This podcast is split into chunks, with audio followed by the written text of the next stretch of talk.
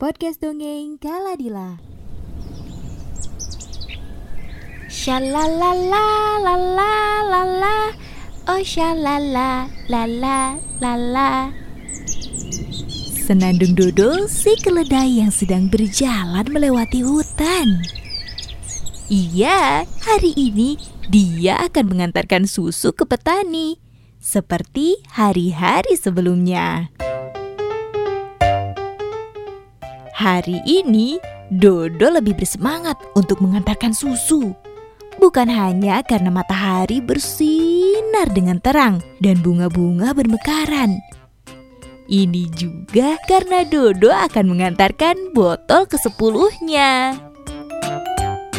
Kata ayah, Dodo, kalau kamu sudah berhasil mengantar botol ke sepuluh, maka kamu boleh meminta apa yang kamu suka. Karena itu semua, Dodo jadi lebih bersemangat. Sepanjang jalan, Dodo menaruh botol susunya di kepala. Ia pun terus bersenandung. Dan sesekali, dia pun menyapa kelinci yang ditemui atau landak kecil yang sedang menyeberang. Halo, selamat pagi semua. Sapa Dodo dengan hangat. Ternyata tidak hanya itu. Ia pun beberapa kali mampir ke tepi jalan untuk melihat bunga-bunga yang bermekaran. Ia kemudian menarik nafas panjang untuk mencium wangi-wangi bunga. Wah, wanginya sangat segar, membuat hariku semakin menyenangkan. Tidak sabar, aku akan mendapatkan apa saja yang aku inginkan. Ujar Dodo. Saking senangnya, sepanjang jalan Dodo sering berhayal. Ia memikirkan apa saja yang ingin ia minta ke ayah. Kata ayah, aku boleh meminta apa pun. Hmm, aku ingin meminta kue wortel atau apel pie saja ya. Oh, bagaimana jika aku meminta sup rumput lezat? Wah, pasti sangat enak. Ujarnya sambil terus berjalan dan berhayal. Tak berhenti di sana, teman-teman. Dodo masih melanjutkan hayalannya. Atau bagaimana kalau aku meminta uang yang banyak? Kalau aku memiliki uang yang banyak, pasti aku dapat membeli apa yang aku inginkan. Ha, aku akan membeli mainan terbaru dan akan memainkannya bersama Bob si rubah. Pasti Bob akan memujiku karena mainanku baru dan wah! Dodo terjatuh. Begitu pula dengan botol susu yang ia taruh di kepalanya. Ah, tidak. Botol ke sepuluhku pecah. Bagaimana ini? Ungkap Dodo bersedih. Tadi, saking senangnya Dodo berhayal, ia sampai lupa untuk melihat jalan.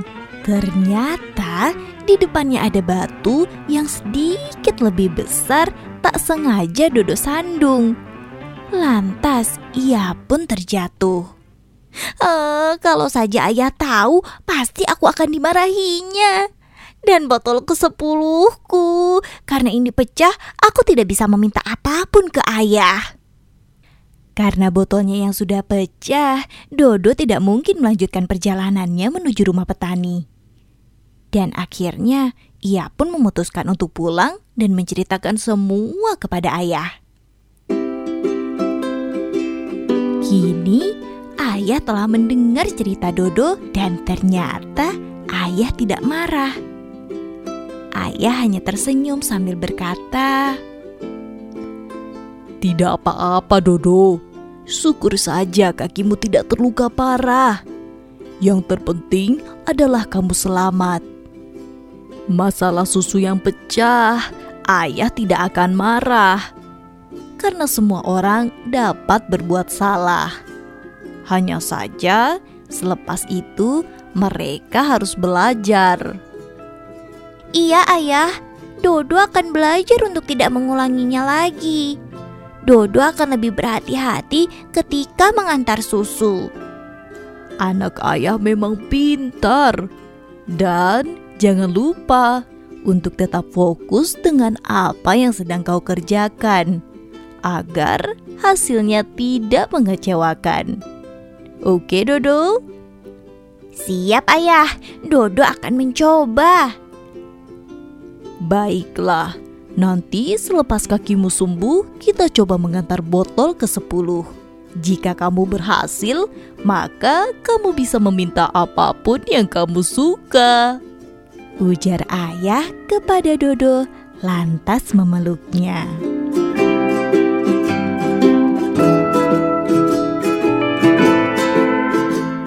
Teman-teman, beberapa hari kemudian Dodo sudah sembuh dan dia berhasil mengantar botol ke sepuluh. Tentu, ayah menepati janjinya. Ayah mengabulkan apa yang Dodo minta. Hmm, coba teman-teman tebak ya, kira-kira Dodo meminta apa?